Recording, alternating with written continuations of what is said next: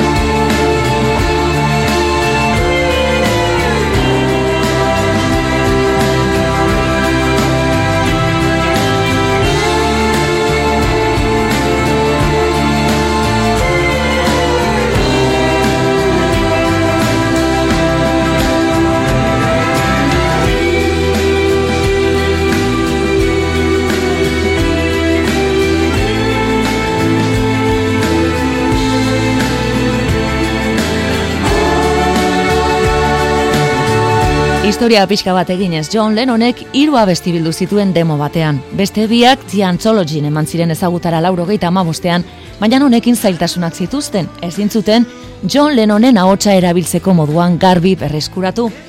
Hainbeste urteren ondoren, inteligentzia artifizialari esker lortu dute, eta laurak batera ditugu berriro, George Harrisonek bere partea grabatu hau baitzuen, zorionez.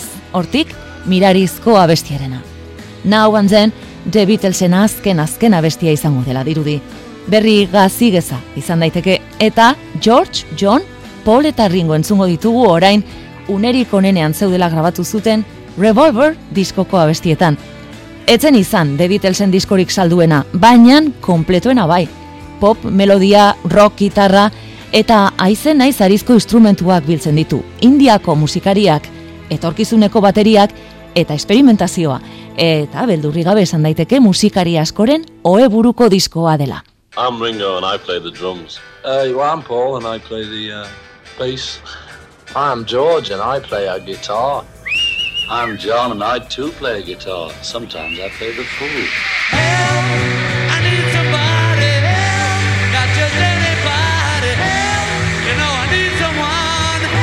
Mila behatziun da bost bukaeran Bitelmania gailurrera iritsi zen. Mundu guztian zehar emandako kontzertuetan, naizen guztiak ikusi izan zituen zuzenean eta bide batez karraxi egin. Pop musikaren erregeak ziren eta mundua euren esanetara zegoen. Egu berritan deskantsu hartu zuten lehen aldiz, eta urte berrian, hiru lehen hilabeteak pelikula bat grabatzeko erreserbatuak zituzten berez, baina ados jartzea lortu ez zutenez, filmaren proiektua etzen aurrera atera eta denbora libre gehiago izan zuten. Garai honetan bestalde, John Lennon eta George Harrison LSD moduko droga hartzen hasi ziren esperimentatzeko. Irurogeita zeiko apirilean The Beatles berriro Abbey Road estudioan elkartzean, ez zirudien lau hilabete igaro zirenik urteak baizik. Presari gabe aritu ziren konposatzen eta euren etxeetan zituzten ekipuekin esperimentatzeko tartea izan zuten. Ongi etorri guztiok askoren iritziz, rokaren historian inoiz eginen diskorik onenari eskeniko diogun saiora. Kanta bakoitza aztertuko dugu, eta lan hau hain garrantzitsua zergatik izan den argitzen saiatuko gara.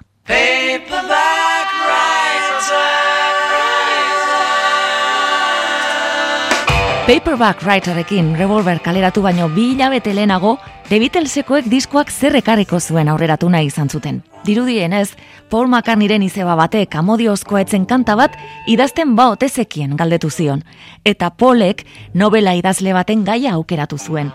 Makarnik gogoko zuen kantak eskutitz moduan idaztea, eta besti honetan, idazle izan nahi duen batek, bere editoreari idazten dio urtetan idazten aditu den liburua kaleratzeko eskatuz. Soinuaren aldetik ez zuen irratian entzuten ziren kantekin zer ikusi.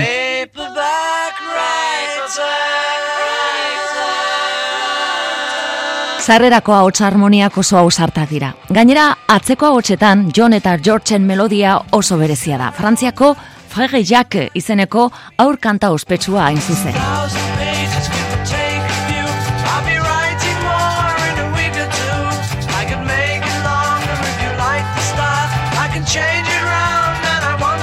Paperback Writerek gainera oso riff indartsuak ditu. Gitarrarekin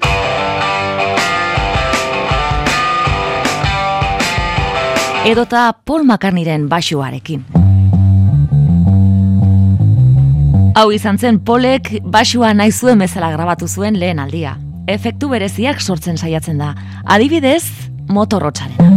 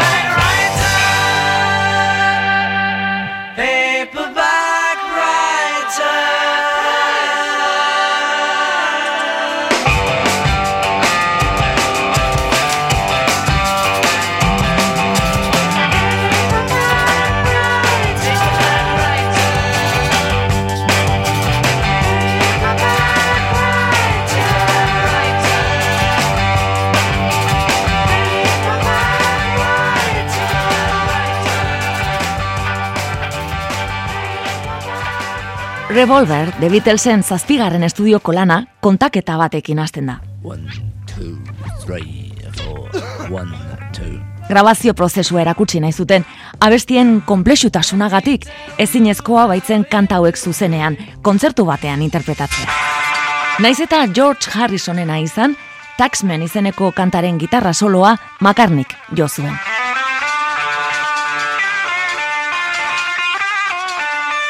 George Harrisonek kanta gogor bat idatzi zuen soinu aldetik, gaia ere oso gogorra zelako eurentzat, Beatlesen irabazien euneko lauro geita amabosta zergak ordaintzeko izaten zen. Eta arrazoi horrengatik lehen aldiz, Liverpoolgo laukoteak gobernua kuestionatzen du. Wilson, lehen ministroaren aipamena eginez, abestiaren bukaera.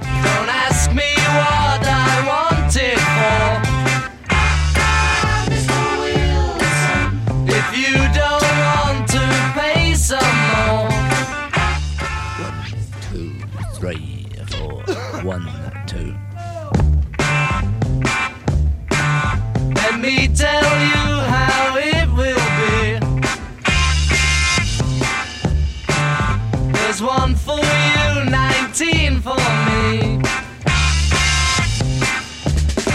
Cause I'm the tax man.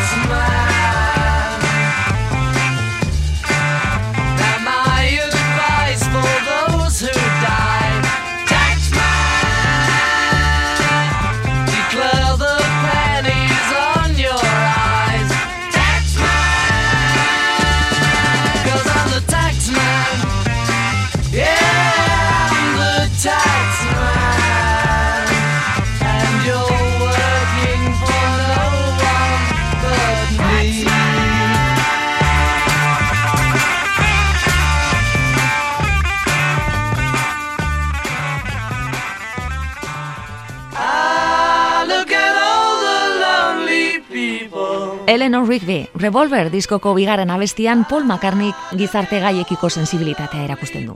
Bakarrik bizi diren Londresko adineko jendea zari da hemen. Eta harritzekoa da, hain gaztea izan da, hogeita lau urterekin, eta arrakastaren gailurrean zegoen bezala egonda, nola bururatu zitzaion, era ontako aipamen bat egitea. waits at the window, wearing the face that she keeps in a jar by the door. Who is it for? All the lonely people. Where do they all come from? All the lonely people. Where do they all belong? Musika aldetik aurreko urtean Yesterdayekin egin zuen moduan McCartney arizko zortzikora mugatu zen, baina George Martinek psikosisen soinu bandan oinarrituta hain konponketa ritmikoa idatzi zuen, ez ditugula bateria edo basua faltan botatzen. Ah,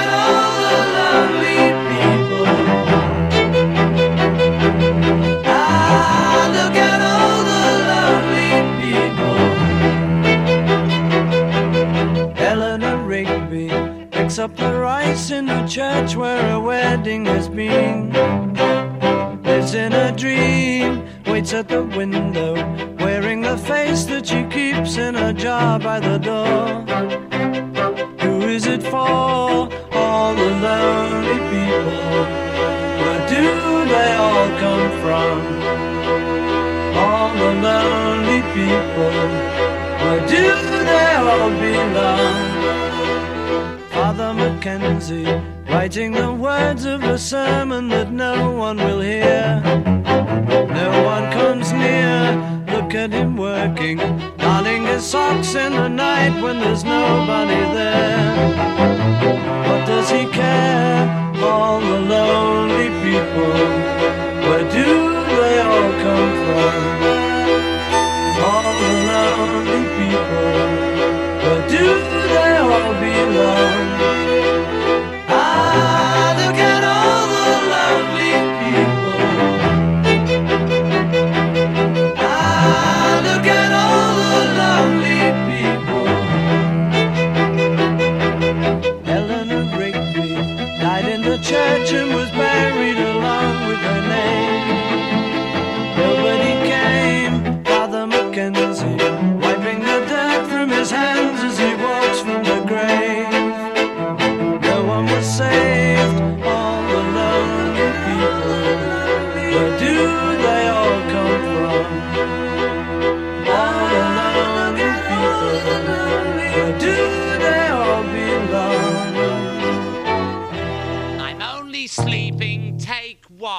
I'm Only Sleeping revolverreko hirugarren kantak The Kingsen Music Hall ingelesa jarraitzen du. Davis anaien taldea orduan txel lantzen ari zena. Hori bai, John Lennonen ikutu delikoarekin.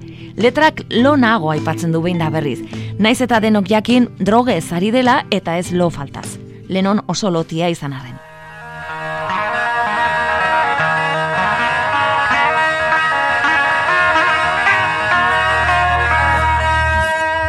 kanta honen efekturik harrigarriena George Harrisonen alderantzizko gitarra delikoa da, eta kontuan izanik, sei ordu behar izan zituela hau grabatzeko honek erakusten du Beatles taldeak ze interes handia zuen Revolver diskoaren sorkuntzan.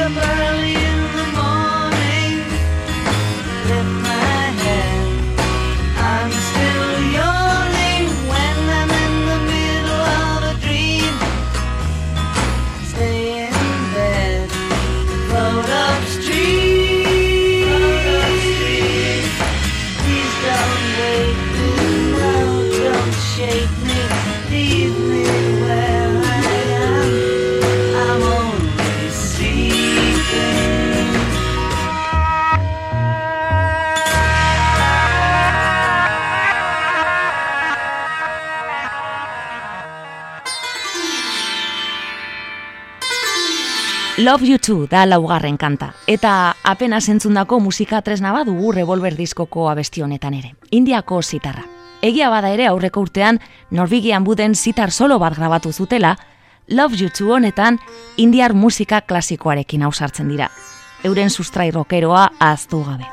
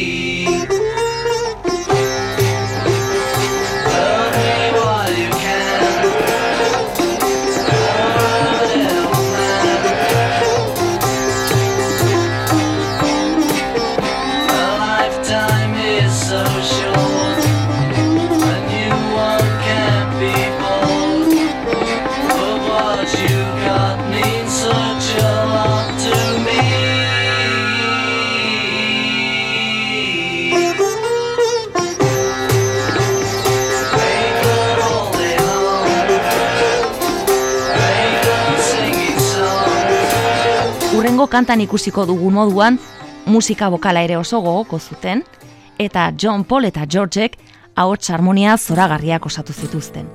This Boy da kantau, eta mila behatzion da laurogeita lauean, I Want to Hold Your Handen, B aldea izan zen. That boy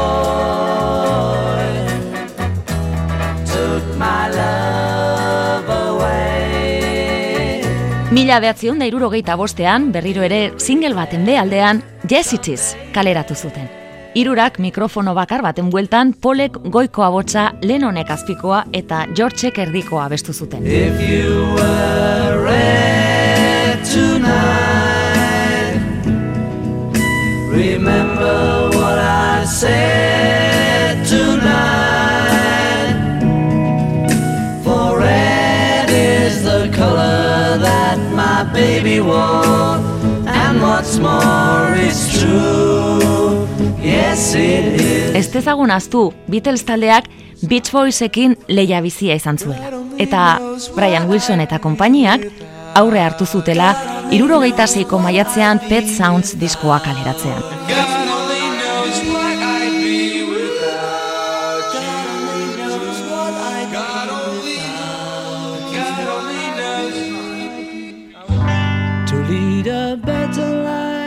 Here, There and Everywhere, Polek John Lennonen etxeko piztinan idatzi zuen, eta lo kanta eta amodio kantaren erdibideko abestia da. Hiru egun behar izan zituzten grabatzeko eta bereziki abots harmonietan saiatu ziren. Gerora aitortu zuenez, Polen kutxunenetako bata Beatlesentzat idatzi zituenetatik.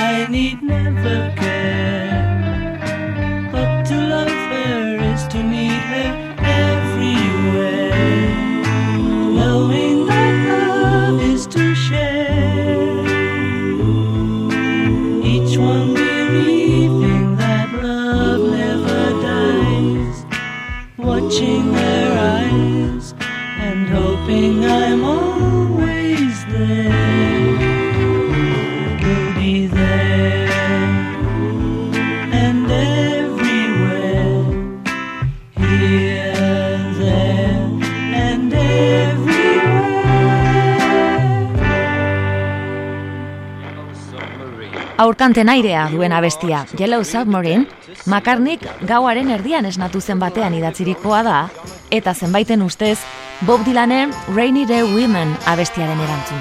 Gainera, grabatu ezperan, Dylan berarekin bildu ziren Londresko Savoy hotelean, oso erlazio ona baitzuten. Kanta grabatzeko Abbey Roadeko bigarren estudioan festa antolatu zuten aurrez amaika traste pilatuta. Kateak, txilibitu, klakson, kanpaitxoak eta txapazko bainera zar bat ere. Lenonek pertza urez bete eta xaboi burbulak egitearekin batera zarata ateratzen omen zuen eta Rolling Stoneseko Brian Jonesek kristalezko edalontziekin soinu eginez laguntzen omen zion. Anekdota moduan, Yellow Submarine Ringo Starrek kantatu zuen Beatlesen single bakarra izan zen, eta egun Liverpoolgo John Lennon aireportuan jarri zuten amasei metroko submarino baten eskultura da iriko ikur nagusietakoa.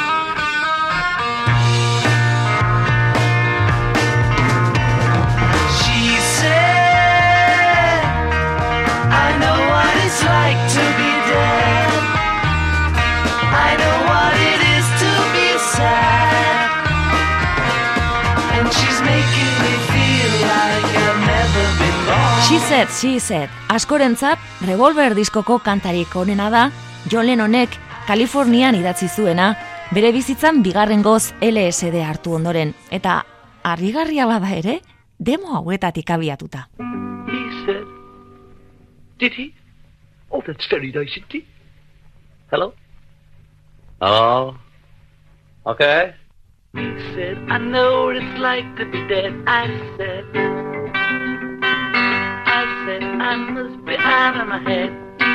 Revolverreko kantari konplexuena bihurtu zen, melodia psikodeliko baten gainean, erritmo aldaketa oso berritzailez lagunduta.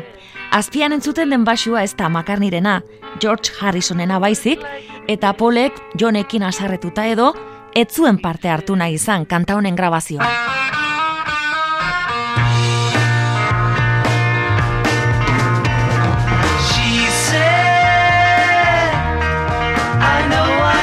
Like to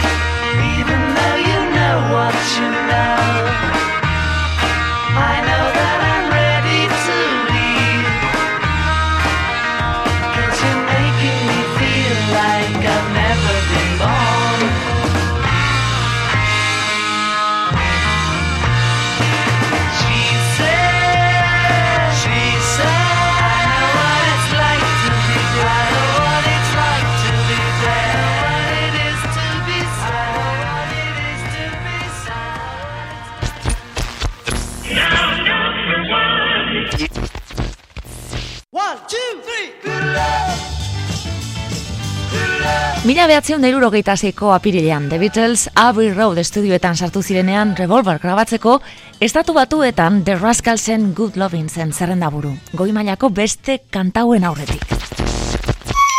We come on this loop, John B. My grandfather and me.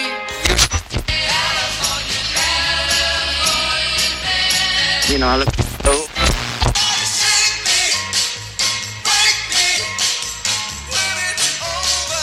Irrati estatu batuarrei keinu eginez Paul McCartney Good Day Sunshine komposatu zuen eta Revolver diskoaren bealdeari hasiera eman zion kanta honekin, Lovin' Spoonful taldearen Daydream kantaren baikortasuna, giroa eta kanta beraren sarrera ere errepikatuz, Makak kantagintza estatu batuarrari zion miresmena erakutsi zuen.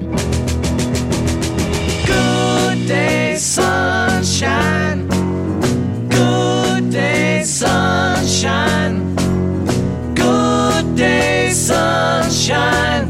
I need to laugh, and when the sun is out, I've got something I can laugh about. I feel good in a special way. I'm in love, and it's a sunny day. Good day, sunshine. Good day, sunshine. Good day, sunshine. We take a walk, the sun is shining down, burns my feet as they touch the ground.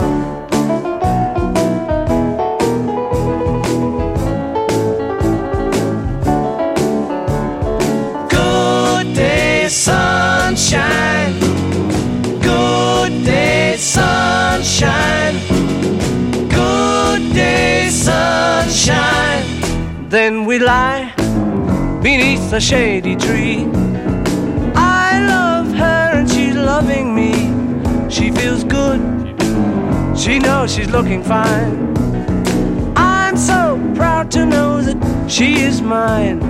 Good day, sunshine. Good day, sunshine. Good day, sunshine. Good day, sunshine. Good day, sunshine. Good day, sunshine. Good day, sunshine.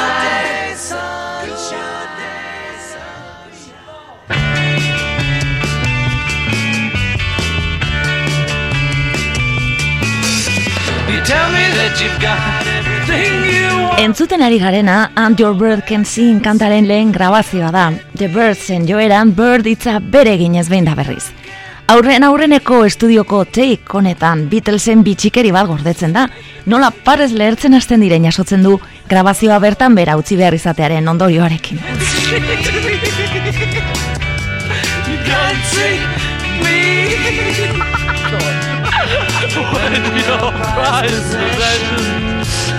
Start to weigh you down. You may be awoken. I'll be wrong. I'll be wrong. Tell me that you've got everything you want, and your bed can sing, but you don't get me. You don't get me.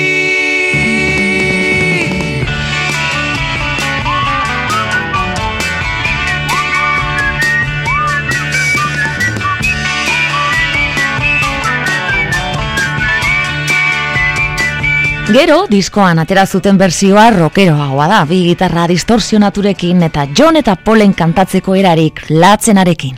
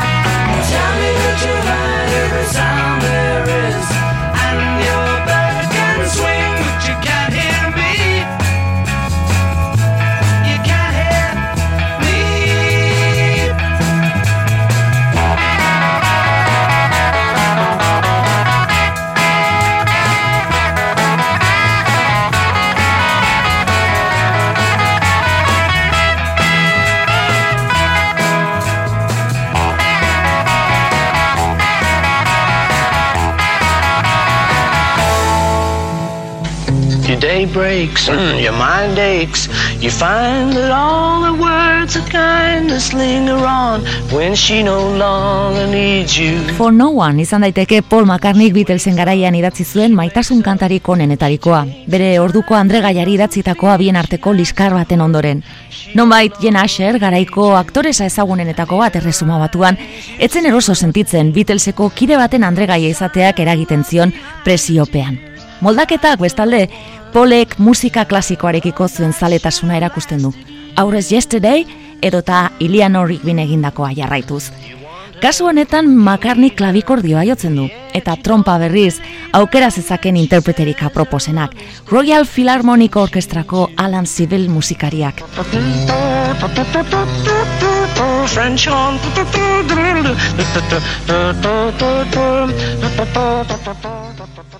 Your day breaks, your mind aches. You find that all her words of kindness linger on when she no longer needs you. She wakes up, she makes up, she takes her time and doesn't feel she has to hurry. She no longer needs you, and in her eyes you see nothing. No sign of love behind the tears cried for no one. A love that should have lasted years. You want her, you need her, and yet you don't believe her when she says her love is dead. You think she needs you.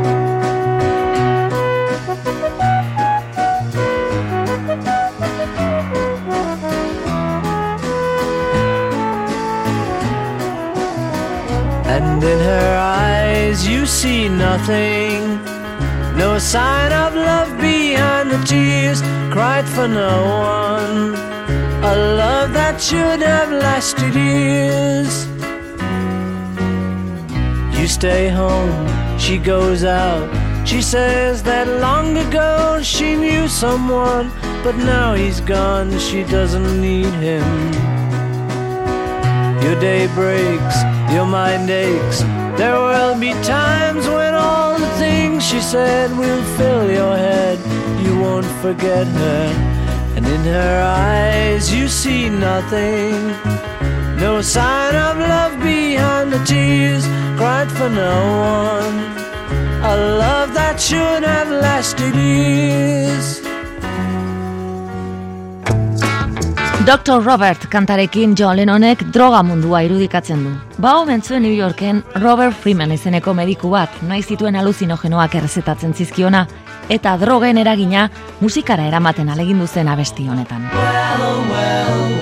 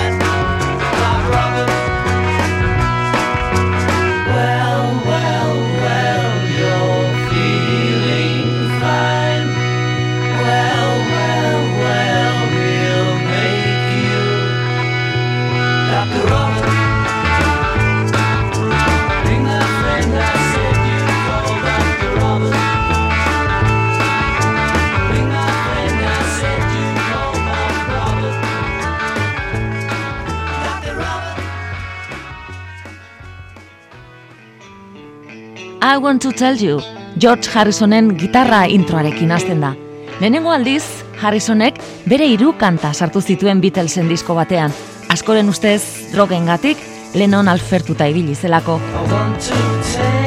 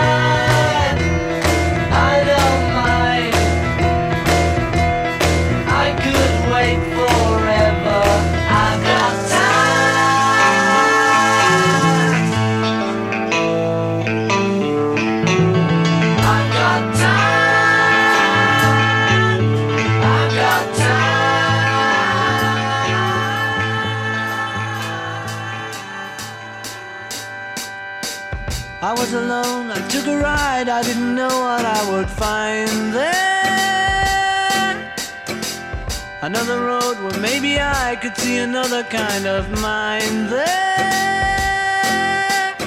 Ooh, then I suddenly see you. I tell you I need you every single day of my life? Mila behatzen da irurogeita zei hasieran hartu zuten atxedenean Paul McCartney eta Jane Asher Londresko sojoan zeuden klubetara egunero joaten hasi ziren. Eta Stax, Nice, Motown estiloko amaika kanta entzun zituzten Otis Redding edota The Temptationsen gizakoak. Got to get you into my life kantaren demoan entzuten ari garenez, Polek ketzeukan oso argi nolako kanta nahi zuen. Hasieran harmonio bat entzuten dugu, baina metalak sartzea erabaki zuen azkenean, eta asmo horrekin klubetan jotzen zuten bi musikari deitu zituzten, Georgie Feynman taldeko bikideen zuzen.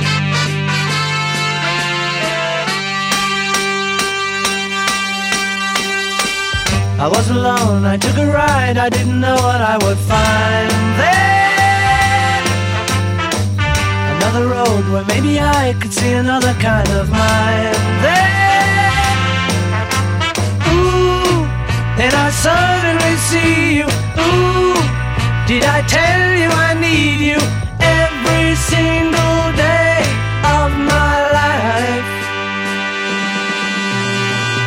didn't run, you didn't lie, you knew I wanted just to hold you. And had you gone, you knew in time we'd meet again, for I had told you. Ooh, you were meant to be near me. Ooh, and I want you to hear me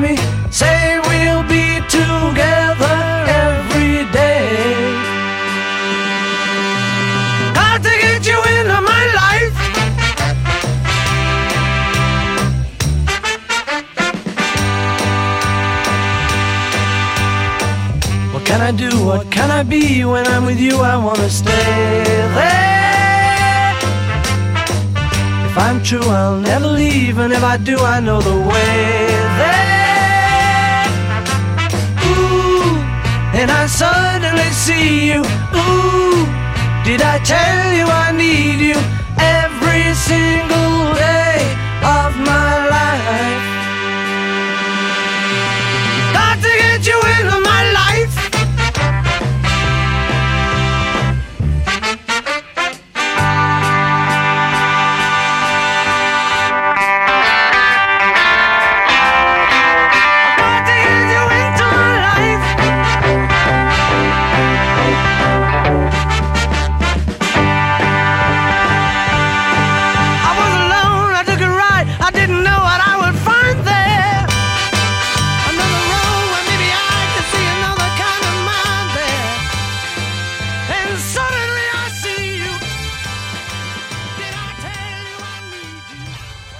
Eta azkena, revolver duen kanta Tomorrow Never Knows da guztietatik komplexuena.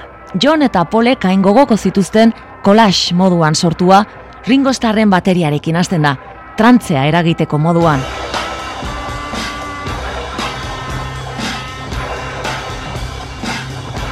Lennonen ahotsez jarraitzeko, George Martini esan zion moduan, Dalai Lama menditik abesten entzungo bagenu bezala.